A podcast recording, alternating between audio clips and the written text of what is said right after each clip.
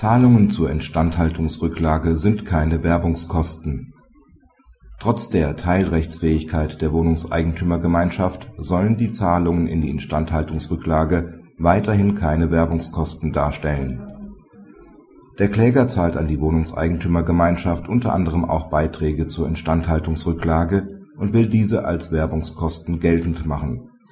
Der BfH lehnt diese Möglichkeit ab. Zahlungen in die Instandhaltungsrücklage sind keine Werbungskosten, weil zu diesem Zeitpunkt Aufwendungen noch nicht entstanden sind. Daran ändert sich auch nichts durch die Rechtsfähigkeit der Gemeinschaft und der in § 10 Absatz 7 BEG erfolgten Vermögenszuordnung. Denn mit dem Abfluss beim Steuerpflichtigen steht noch nicht fest, dass auch Instandsetzungsaufwendungen veranlasst werden. Dass eventuell erst ein Erwerber in den Genuss der Abzugsfähigkeit kommt, ist hinzunehmen und kann bei der Kaufpreisgestaltung Berücksichtigung finden. Kritik Der steuerpflichtige Wohnungseigentümer hat den Aufwand, wenn er seine Leistung an die Gemeinschaft erbringt.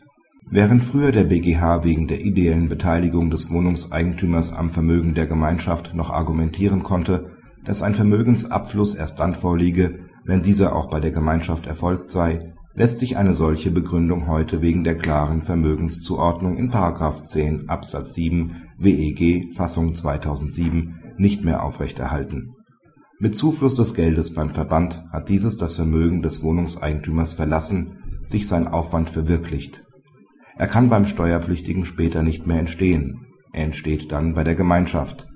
Da diese nach § 10 Absatz 6 WEG rechtsfähig ist kann es sich auch nicht um die gleiche Vermögenszuordnung handeln.